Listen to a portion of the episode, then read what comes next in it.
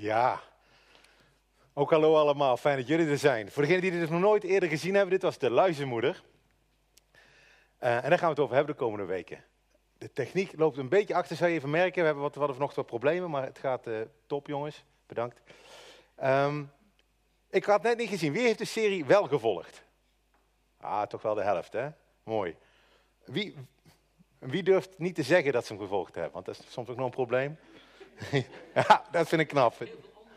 Ja, ja, ja, ja. En de grap van deze serie is, de een vindt het hilarisch en de ander vindt er helemaal niks aan. Maar vorig jaar kwam de AVO trots met deze serie en het werd een enorm succes, meteen. Uh, een paar weken geleden begon het tweede seizoen en op de eerste aflevering hebben 5,1 miljoen mensen gekeken. Dat is echt waanzinnig veel. 4 miljoen mensen lineair staat er een stukje. Daar bedoelden ze mee dat 4 miljoen mensen op zondagavond hun tv aanzetten op het tijdstip dat de luistermoeder begint en kijken.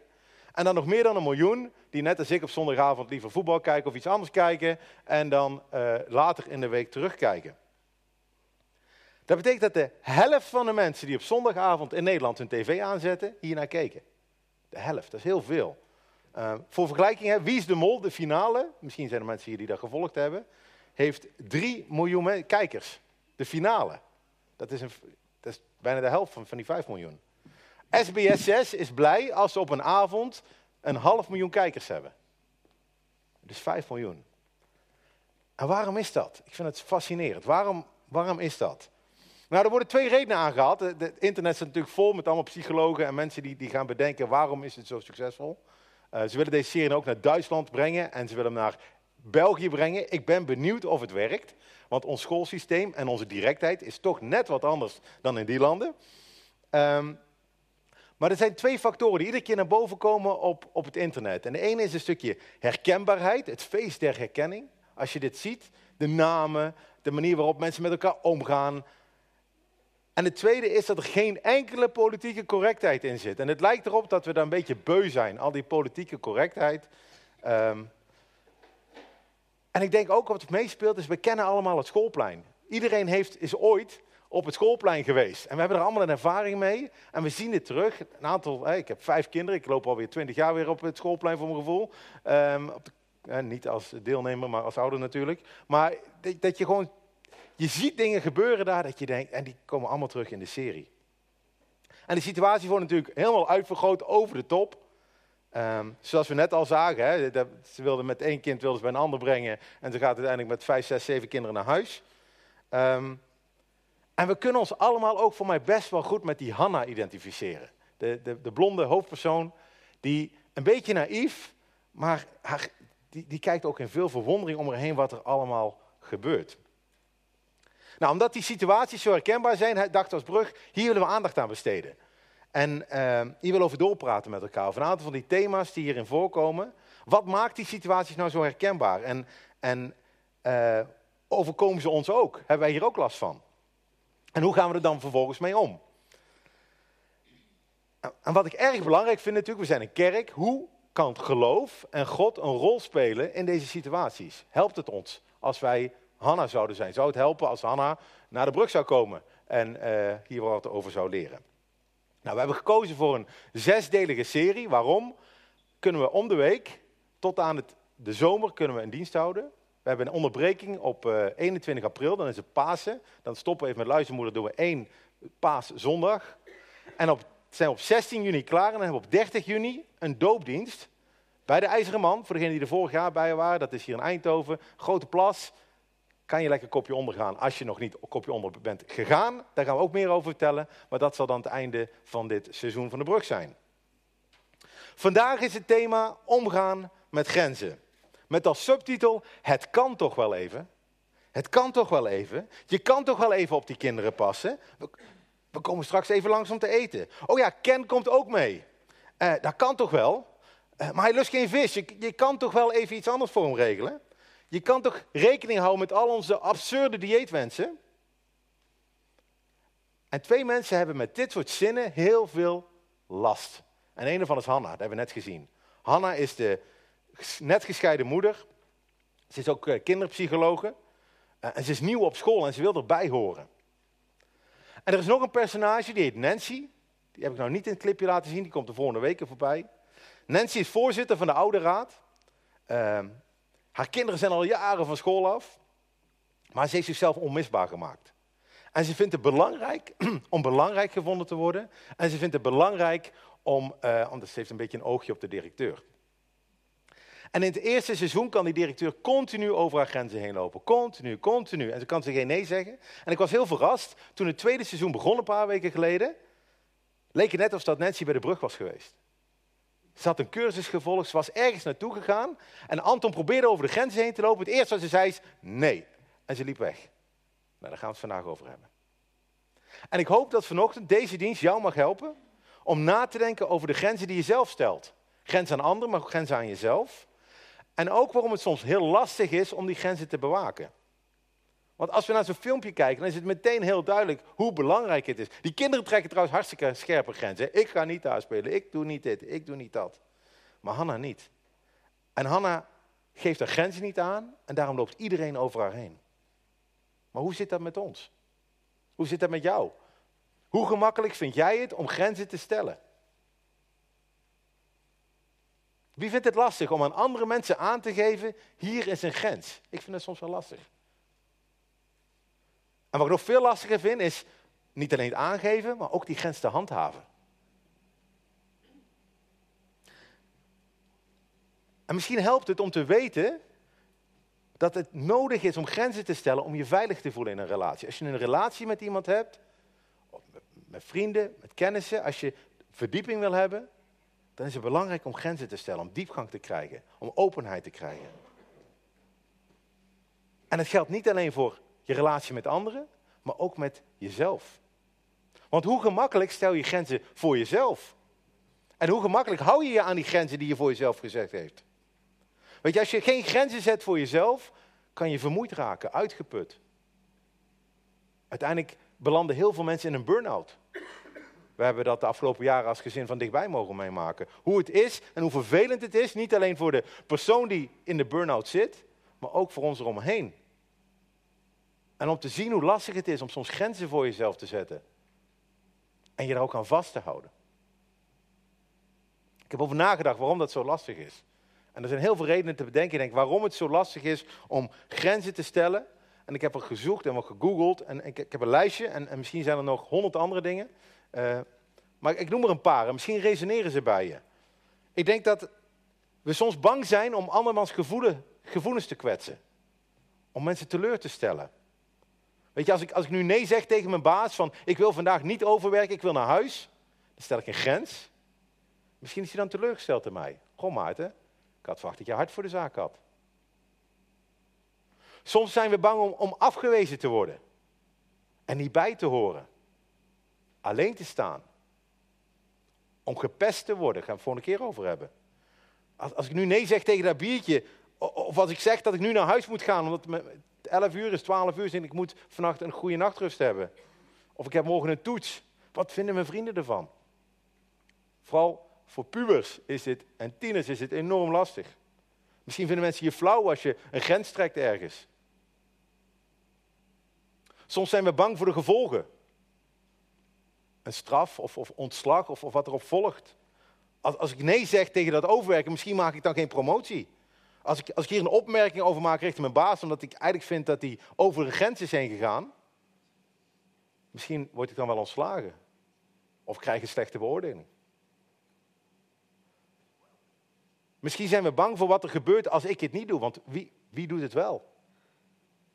Wie doet het als ik het niet doe? En als ik nu nee zeg tegen dit stuk, stuk werk, wie pakt het dan op? Soms zijn we bang voor dingen omdat misschien bekend wordt iets waar je voor schaamt. Als ik hier iets van zeg, misschien komen dan dingen naar boven toe, dingen waar ik me voor schaam, die ik niet bekend wil hebben. Zo werken loverboys trouwens. Hè? Mensen inpalmen. En dan, als je op een gegeven moment zegt, dit is mijn grens. Je, als je niet over die grens heen gaat, dan ga ik dit over jou vertellen. Manipulatie. Sommige mensen zijn altijd bang dat ze nee zeggen als er me niets gevraagd wordt. Dat mensen denken dat ze zelfgericht zijn, egoïstisch zijn. En het is goed om voor anderen te helpen. Het is goed om voor anderen er te zijn, maar laat niet over je heen lopen. Soms durven we geen grenzen te trekken omdat we bang zijn dat anderen boos worden. Als ik nee zeg, wordt de ander boos. Misschien is het helemaal niet echt dat die ander boos wordt. Laat hem maar lekker boos worden. Soms is dat heel gezond in een relatie om even duidelijk je grens aan te geven. In sommige gevallen trekken mensen geen grens omdat ze bang zijn dat de ander gewelddadig wordt. En dit is een flink stap erger dan boos worden. Weet je, als, als je bang bent dat een ander gewelddadig wordt, dan heb je hulp nodig van buitenaf. Zoek dan hulp. Dit is nooit oké, die angst. En het mag nooit een reden zijn om over je eigen grenzen heen te gaan. Als je bang bent dat iemand gewelddadig wordt. Ook nog eentje. Soms zijn mensen bang dat je gezien wordt als te kritisch. Mensen vinden dat ik zeur. Soms zijn mensen bang van, ja, wat vinden mensen eigenlijk van me? En de grap is als ik naar de lijstje kijk, dan zie ik één woord. Ja, dat zien jullie ook, want die heb ik geel gemaakt. Maar het is één woord dat iedere keer terugkomt. Wat weerhoudt ons ervan om grenzen te leggen? Vaak angst. En misschien kan je even nadenken over een moment dat je nee had moeten zeggen. Maar dat niet hebt gedaan. Wanneer was dat? Vanochtend toen iemand vroeg of je naar de brug kwam. Ik hoop het niet. Maar wat is de reden dat je toch ja hebt gezegd terwijl je eigenlijk nee had willen zeggen? Wat is dat voor jou? En ik denk dat je erachter komt dat het vaak een vorm van angst is. Een artikel vorig jaar stond dat heel veel studenten allemaal last hebben van burn-out. Waarom? Omdat ze faalangst hebben. Ze moeten presteren. Want anders hebben ze geen toekomst. Angst. Social media helpt ook echt niet. Keihard je best doen om bij te blijven. Iedere keer een, een Snapchat en een dit en een dat. Omdat je bij moet blijven. Want als je niet meedoet, dan val je buiten de boot. Dat is ook angst. Ik zat gisteren te lezen over hele discussie over MeToo. En verschrikkelijk wat sommige mannen voornamelijk anderen aandoen. Andersom ook wel hoor, maar voornamelijk mannen in machtsposities vrouwen aandoen. En je ziet die, die, die mannen over die grenzen heen gaan. En dat de vrouwen zwijgen omdat ze bang zijn voor de gevolgen. Wat als ik nou zeg dat die acteur of die belangrijke meneer iets gedaan heeft? Gebeurt ook in de kerk. Misschien krijg ik die, die, die filmrol niet. Misschien ben ik mijn baan kwijt als ik dit zeg. Misschien geloven mensen me niet. Want hij is zo populair. En het kan allemaal waar zijn, die angst. Maar het gevolg is wel dat deze mannen, voornamelijk mannen, jaren door kunnen gaan met verschrikkelijke dingen. Die angst zag je ook een beetje terug in het filmpje. Hanna gaat veel te veel mee met wat anderen ervan vinden, omdat ze erbij wil horen. Ze komt onzeker over. Ja, misschien hebben we toch anders afgesproken, ik weet het niet. Ze laat anderen bepalen wat belangrijk is in haar leven. De een afspraak is veel belangrijker dan haar afspraak, want dat vindt iedereen. Ze neemt verantwoordelijkheid op zich die helemaal niet bij haar ligt. Uit angst en onzekerheid of ze het wel goed doet. En voor gezonde relaties, vind ik het nog belangrijk om nog een keer te zeggen, is het belangrijk dat we onze grenzen durven aan te geven. Ons niet laten leiden door angst. In het Nederlands hebben we een mooi spreekwoord, angst is een slechte raadgever. Maar dat is makkelijker gezegd dan gedaan. En daar is moed voor nodig. En daar wil ik eigenlijk de komende paar minuten met jullie over hebben. Ik wil met jullie naar een verhaal gaan uit de Bijbel. Van iemand die heel duidelijk een grens stelt. En het is, dit verhaal is niet opgeschreven, bedoeld voor, voor ons om, om na te doen of een moreel lesje uit te leren. Maar ik geloof, want ik geloof dat dit gewoon zo gebeurd is zoals het opgeschreven is. Maar ik denk wel dat we er veel uit kunnen leren. Als het over dit thema, over grenzen gaat. Jenneke zei het al, we gaan kijken naar Jozef. Jozef is de jongste zoon van Jacob. Daar hebben we het eh, in september over gehad, een paar maanden. We hebben een serie over gehad, kan je terugluisteren op de, op de website. Maar misschien herinner je nog wel dat Jacob, die had al een puinhoop van zijn leven gemaakt. Die had twee vrouwen. En dat was al niet zo heel verstandig, zei ik toen. En die twee vrouwen krijgen een competitiedrang. Wie kan de meeste kinderen verwekken met Jacob? Nou, dat uh, gaat natuurlijk uh, nog slechter. En op een gegeven moment die vrouwen die denken, och, het duurt mij negen maanden om een kind te verwekken. Weet je wat, ik haal er nog een vriendin bij en dan gaat het, uh, kunnen er twee verwekken in negen maanden. Dus ik raak in een hele rare competitie. En uiteindelijk heeft hij elf kinderen. Jacob. Waarvan de jongste, nummertje 11, van zijn favoriete vrouw, is deze Jozef? Het is zijn favoriete zoon. En hij zou beter moeten weten, want toen hadden we ook gezien dat Jacob ook de favoriete zoon van zijn moeder weer was. Dat blijft doorgaan. Zijn tien grotere broers vonden het niet gaaf dat Jacob de favoriete zoon, of dat Jozef de favoriete zoon was. En ze willen hem doden. Maar uiteindelijk, op het laatste moment, doden ze hem niet, maar verkopen ze hem, kunnen ze nog geld mee verdienen, aan een paar gasten die op weg zijn naar Egypte. En daar begint ons verhaal. Jozef was naar Egypte gebracht, staat er. Potifar, een werknemer, een hoveling van de farao, van de koning, het hoofd van de lijfwacht, een Egyptisch man, kocht hem uit de hand van de Ismaëlieten, die hem erheen gebracht hadden. Jozef die komt in een dienst van een heel belangrijk man. En die, die man die werkt voor de koning. Maar hij was niet alleen. God was bij hem. Daar staat hij. De Heer was met Jozef. Zodat hij een voorspoedig man was. Hij bleef in het huis van zijn heer, de Egyptenaar. En toen zijn heer, die, Potifar, zag dat de Heer met hem was. En dat God alles wat hij deed door zijn hand voorspoedig deed verlopen. Vond Jozef genade in zijn ogen en mocht hij hem bedienen. Potifar stelde hem aan over zijn huis en alles wat hij had, gaf hij in zijn hand. Hij wordt, krijgt promotie daar als slaaf. Het loopt goed in huis. Jozef weet dat God bij hem is. En ook zijn baas ziet dat. Heel, heel bijzonder, hè? dat zijn baas ziet dat God bij hem is. Vanaf het moment dat Jozef in huis komt, loopt alles op rolletjes. Hij wint het vertrouwen. En het gebeurde vanaf het moment dat hij hem over zijn huis en alles wat hij had aangesteld, dat de Heer het huis van de Egyptenaar omwille van Jozef zegende. Het ging steeds beter. De zegen van de Heer rustte op alles wat hij bezat, zowel in het huis als op het land. En hij liet alles wat hij bezat in de hand van Jozef, zodat hij met hem naast zich nergens anders meer kennis van nam dan van het brood dat hij at. Hij hoeft zich nergens meer druk over te maken, die Potifar. Jozef regelde alles. Hij hoefde alleen maar na te denken, wat wil ik op mijn boterham vandaag? Wil ik hagelslag of wil ik pindakaas? Dat was zijn gedachte. Geweldig. Maar ja, dan komt het. Tadadadam. Jozef nu was mooi van gestalte en knap om te zien. De dingen gaan goed. Potifar hoeft zich nergens meer druk over te maken. Hagelslag pindakaas. Hij gaat lekker op dienstreis. Lekker naar zijn baas, mooie reisjes. Want thuis loopt alles gesmeerd. En misschien deed hij dat vaak. Maar met zo'n knappe gast in huis leidt het wel tot problemen. Want het gebeurde, na deze dingen, dat de vrouw van Potifar haar oog op Jozef liet vallen. En ze zei tegen Jozef, slaap met mij. En ik denk dat ze iets meer wilde dan alleen slapen. Wat doet Jozef nu? Jozef is ook gewoon een vent. Hè? Dan moet je over, ik kan op die verhaaltjes lezen en denken, ach ja, als ik Jozef was, dan zou ik uh, hetzelfde doen als Jozef. Ik denk het niet. Als jij slaaf bent, je hebt geen vrouwen om je heen. Die vrouw van Potifar is misschien een heel knappe dame, weet ik allemaal niet. En die zit, de man is weg van huis, slaap met mij. Wat doe je dan? Hij kan niet zomaar weg. Hè. Het, is niet dat hij, hè, het is niet dat hij naar ASML gaat en daar de vrouw van zijn baas tegenkomt. Hij woont in dat huis. Hij moet in bij dat huis blijven. Hij is eigendom van Potifar. En zij is de vrouw van de baas. Hij weigert. Hij weigert en zegt tegen de vrouw van zijn heer: Zie mijn heer, mijn heer neemt. En bij mij naast zich heeft hij geen kennis meer van wat er in het huis gebeurt. En alles wat hij heeft, heeft hij mij in de hand gegeven. Niemand heeft meer aanzien in dit huis dan ik. Hij heeft mij niets onthouden dan alleen u, omdat u zijn vrouw bent. Hoe zou ik dit, dan dit grote kwaad kunnen doen en zondigen tegen God?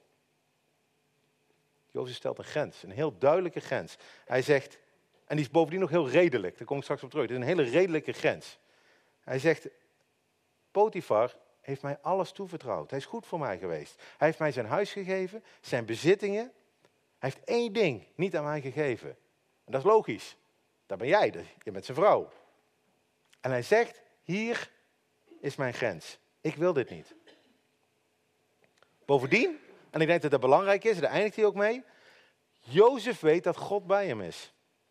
Hij weet hoe goed God voor hem zorgt. En hij weet dat God het niet oké vindt dat je met een vrouw van een ander naar bed gaat. Ook niet om te slapen. Dit is geen angst, hè? Hij zegt niet, ik ben bang dat God eh, met een bliksemschicht uit de hemel mij doodslaat als ik dit doe. Hij zegt ook niet, ik ben bang dat als de man thuis komt, dat hij mij op een kop geeft. Nee, dit is uit liefde voor de baas en uit liefde voor God, zegt hij. Ik heb hem lief, ik heb God lief. Waarom zou ik dit doen? Waarom zou ik dit doen? En die liefde geeft hem kracht. Die liefde geeft hem moed om een grens te trekken. Waarom? Hoe zou ik kunnen zondigen tegen God? En het lijkt te lukken. Want die vrouw trekt niet verder aan hem, ehm, respecteert die grens. Ze dringt niet aan. Voor eventjes. Want het gebeurde.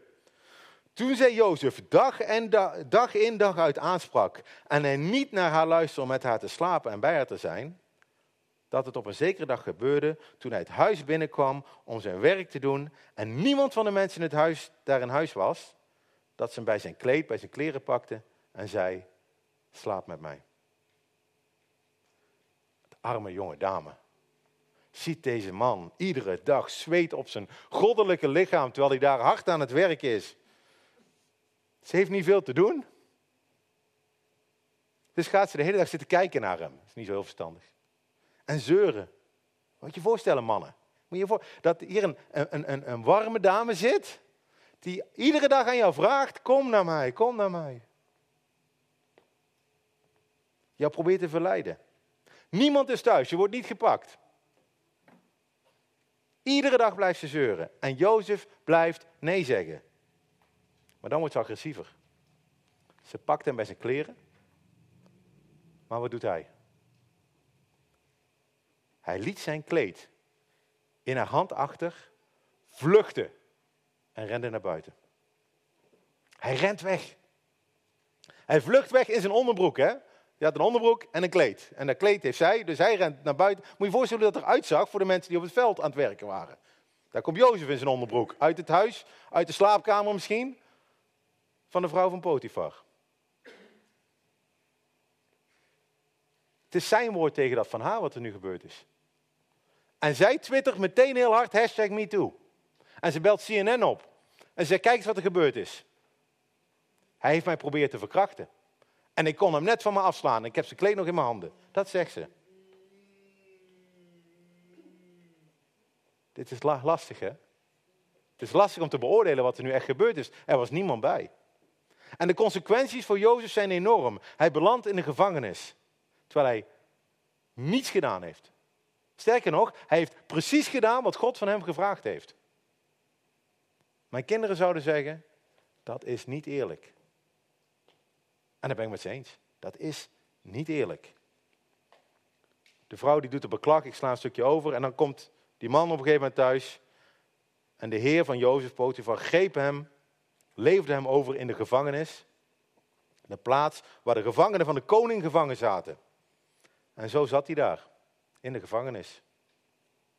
Maar God was met Jozef en bewees hem zijn goedertierenheid, zijn goedheid. Hij gaf hem genade in de ogen van het hoofd van de gevangenis. Je ziet hetzelfde weer gebeuren. Hij, en het hoofd van de gevangenis gaf al de gevangenen die in de gevangenis waren in de hand van Jozef. Al het werk dat men daar deed, deed hij. En het hoofd van de gevangenis zag daar geen enkel ding meer om wat van in zijn hand was, omdat de Heere met Jozef was. Alles wat hij deed, liet de Heer voorspoedig verlopen. Gebeurt hetzelfde. Die hoofdbewaker van die gevangenis, die moet over ook alleen maar nog te denken aan zijn pindakaas en zijn hagelslag. En die laat alles over aan Jozef. En God blijft bij hem, zelfs in die gevangenis. En als je de rest van het verhaal kent, sommigen van jullie kennen dit verhaal, moet je maar eens doorlezen anders. Dan weet je dat juist door die gevangenis, dat hij uiteindelijk op een heel belangrijke plek komt bij die koning van Egypte. En dat hij uiteindelijk het hele volk Israël redt, omdat hij bij die koning bij die farao belandt. Maar Jozef weet dat hier nog niet.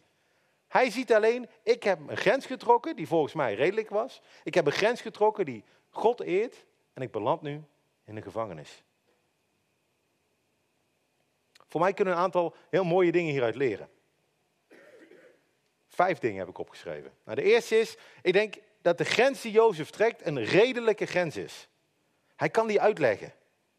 Je moet nadenken in, in je leven, als jij jouw persoonlijke grenzen trekt, of ze redelijk zijn. Sommige grenzen zijn onredelijk. Als jullie uh, geluisterd hebben naar de serie die ik een, uh, een, paar jaar geleden heb gedaan, die heet Vangrails, die ging over grenzen zetten, dan weten jullie dat ik een grens heb, mijn grens, niet die van jullie, van mij, dat ik niet, als ik naar Duitsland ga met de auto voor het werk, dat ik dat niet één op één met een vrouw doe. Dan zeg je, ja, belachelijk, dat kan, dat is mijn grens. Dus als wij met de auto gaan, dan gaan we of zit er iemand achterin, of we gaan met twee auto's. Ik vind dat redelijk. Het is nou niet zo dat als ik me in één keer in een lift bevind bij ASML en alle mannen lopen naar buiten en ik moet nog een verdieping en er zit één vrouw in de lift, dat ik denk, oh paniek, knop, uh, alarm. Helemaal niet, natuurlijk niet. Er moeten redelijke grenzen zeg maar. Ik vind vier, vijf, zes uur in een auto, één op één, vind ik niet handig. Mijn grens. Ik kan die uitleggen, ik hou me eraan en, uh, en ik vind hem redelijk. Een redelijke grens. De tweede is, en dat is ook heel belangrijk, Jozef communiceert die grens. Grenzen zijn persoonlijk. Je kan niet verwachten dat een ander jouw gedachten kan lezen. Je kan niet verwachten dat een ander weet waar jouw grenzen zitten. Weet je, als ik op weg naar Duitsland ben, dan staat er langs die A74 zo'n bordje, Duitsland. Dan weet ik precies, ah, hier is de grens. Ik mag nou anders rijden, ik heb andere verkeersregels. Ik weet nou dat ik in Duitsland ben. Als ik het bos inga bij, uh, bij, in Limburg, of hier in België, bij de Achterse Kluis, dan weet ik helemaal niet wanneer ik die grens overga. Belangrijk is, communiceer je grens. Jozef doet dat. Hij zegt, hier is mijn grens. En ik wil niet verder gaan. Weet je, als je, als je ochtends bij de brug komt en je vindt het niet fijn dat we het jou een hand geven. Dat kan, hè. Sommige mensen vinden het niet fijn. Of een hug, hè. Sommigen van ons geven hugs. Als je het niet prettig vindt, zeg het dan. Want wij kunnen geen gedachten raden. En wij willen niet onbedoeld over jouw grens heen gaan. Dus stel een redelijke grens, communiceer die en onderbouw hem ook. Jozef, Jozef heeft een reden voor zijn grens. Voor kinderen is het zo belangrijk als je een regeltje maakt van dit mag niet. Dat je zegt waarom. Hè? Als er twee zijn maakt er nog niet uit. Maar die van mij zijn echt, ja waarom niet? En als ik zeg ja omdat papa dat zegt, dan is dat geen reden in hun uh, wereld. Communiceer het. Ze willen weten waarom. En het helpt om te communiceren waarom trek je de grens die je trekt. Ook is dat soms lastig. Ook al is dat soms lastig.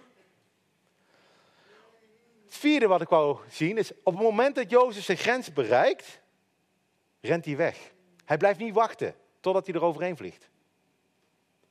En dit is een hele mooie, maar ook een hele lastige. Jozef zorgt dat er genoeg afstand zit, dat er niks gebeurt wat hij niet wil. Eén ding dat me iedere keer opvalt in de discussies de afgelopen jaren over MeToo, en heb ik het niet over kinderen met volwassenen en acteurs, dan heb ik het over volwassenen en volwassenen, is dat sommige mensen in de verhalen blijven wel heel lang in een situatie waarvan ik zeg, goh, daar had nou toch een alarmbelletje af moeten gaan. Een grote voorganger van een kerk in Amerika die over een grens was gegaan, zei, ja, ik weet niet, die naakte vrouw sprong van mijn boot af. Dan denk ik, ja, ik snap wat jij zegt, maar hoe beland je in een situatie, één op één, op een boot met een naakte vrouw? En dan kan je nu roepen dat er niks gebeurd is, maar dan heb ik, dat vind ik lastig. Als een man jou vraagt op zijn hotelkamer, als hij rondloopt in een boxer, misschien is dat een mooi moment om een taxi te bellen. Te rennen, zoals Jozef rent. Run, Forrest, run, hè, was het uh, advies jaren geleden. Ren, bescherm jezelf. Zet de vangrail neer waar het veilig is. En ga niet wachten totdat je bij die afgrond bent. Ook al is het misschien heel spannend. Jozef rent weg. Hij heeft zijn grens uitgelegd. Hij heeft ze gesteld, hij heeft ze gecommuniceerd, hij heeft hem onderbouwd. En op het moment dat zijn grens eraan komt, rent hij weg. En dat is ontzettend moedig. Want de consequenties zijn enorm voor hem.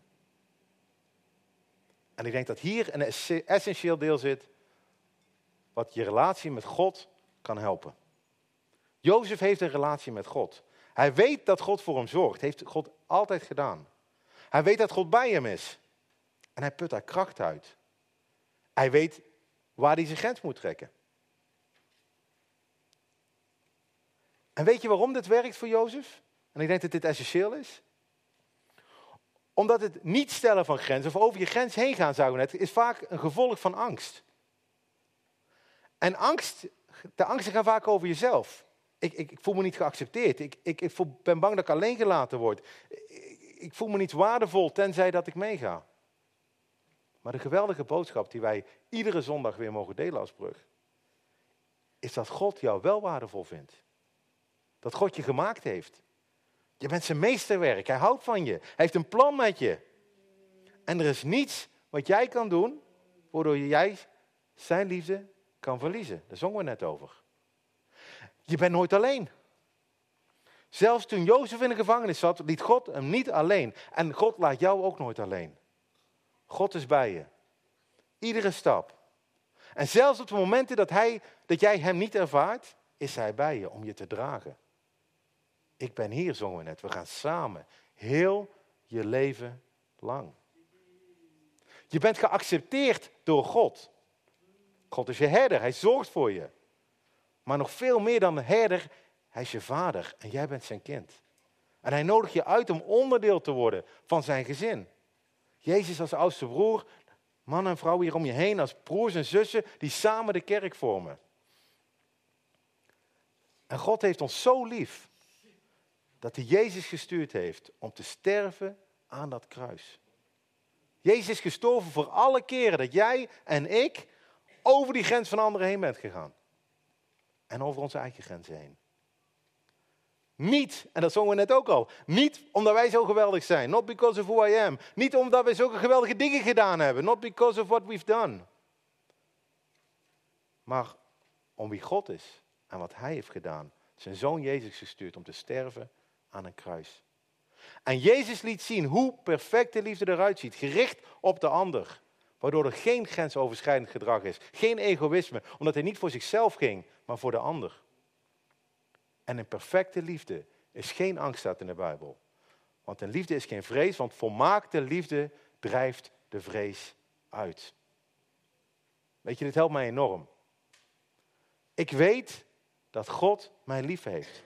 Ik weet dat Jezus voor mij gestorven is. Niet omdat ik geweldig ben, niet omdat ik zoveel goede dingen heb gedaan, maar omdat Hij geweldig is. En ondanks alle dingen die ik gedaan heb. En dat geeft rust. En dat geeft niet alleen rust in mijn hoofd, maar ook in mijn hart, diep van binnen. Weet je, ik hoef niet bij ASML keihard te presteren om te bewijzen dat ik waardevol ben. Want ik ben waardevol. God vindt mij waardevol. Ik hoef niet continu over mijn grenzen heen te gaan om, om aan mijn baas te bewijzen dat ik geweldig ben. God heeft mij al aanvaard. God heeft mij lief. Ook op de momenten dat ik helemaal niet presteer, houdt hij nog steeds van mij. Ik ben vrij op mijn werk van politiek, van, van bazen, van, van, van de baas van de baas van de baas, die, die soms heel veel druk kan uit proberen te oefenen. Want ik heb één baas. En die ene baas is God. En die baas heeft het beste met mij voor. Die zit er niet met eigen belang bij tussen. Die laat alles ten goede werken in mijn leven. En het mooie is, net zoals bij Jozef, mijn baas bij ASML ziet dat ook. Die ziet dat ondanks dat ik mijn grenzen trek en ondanks dat ik niet alles doe wat de bazen aan mij vragen, dat God bij me is. Dat hij me zegent op de werkplek waar ik ben. En dat het werk wat ik doe goed is. Ik heb van God de Heilige Geest gekregen. Dat is een heel ander onderwerp, misschien van een heel andere keer. Maar die woont in mij, waardoor dat ik redelijke grenzen kan trekken. Maar ook de moed en de kracht van Hem krijg, van God krijg om mijn eigen grenzen eraan te houden. God geeft een geest van kracht en liefde aan mij, maar ook, dat wil hij ook zo graag aan iedereen geven. En dat gun ik jullie. Dat gun ik ons allemaal. Jezus nodigt ons uit, daarmee wil ik afsluiten met een heel belangrijk zinnetje. Hij zegt, Jezus zegt, kom naar mij toe. Alle die vermoeid en belast zijn, en ik zal je rust geven. Laat die uitnodiging niet aan je voorbij gaan.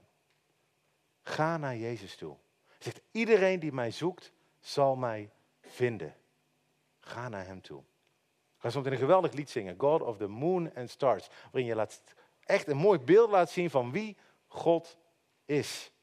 Dat hij niet alleen de God is van de heilige boontjes, van de, van de volmaakte vrome christenen, van de perfecte Jozef, maar ook van jou en van mij. Laten we bidden. Trouw God de Vader, we, we zien de noodzaak om grenzen te stellen, zodat onze relaties ook goed gaan, Heer. En u, u geeft ons ook een aantal grenzen die we, die we niet over willen gaan. Uit liefde voor u, niet uit angst. Heer, ik bid voor mijzelf en ik bid voor ons allemaal, Heer. Wilt u ons kracht geven, moed geven, Om in een relatie met u die grenzen te stellen, Heer. Dank u dat we mogen weten dat u van ons houdt. Dat u ons geaccepteerd heeft. Dat u ons waardevol vindt. Dat we veilig bij u zijn. Dat we geliefd zijn, Heer. Heer, help ons om niet die prestatie na te jagen. Niet te doen, Heer. Maar te genieten van uw liefde voor ons. Heer, wees bij ons allemaal vanochtend. Amen.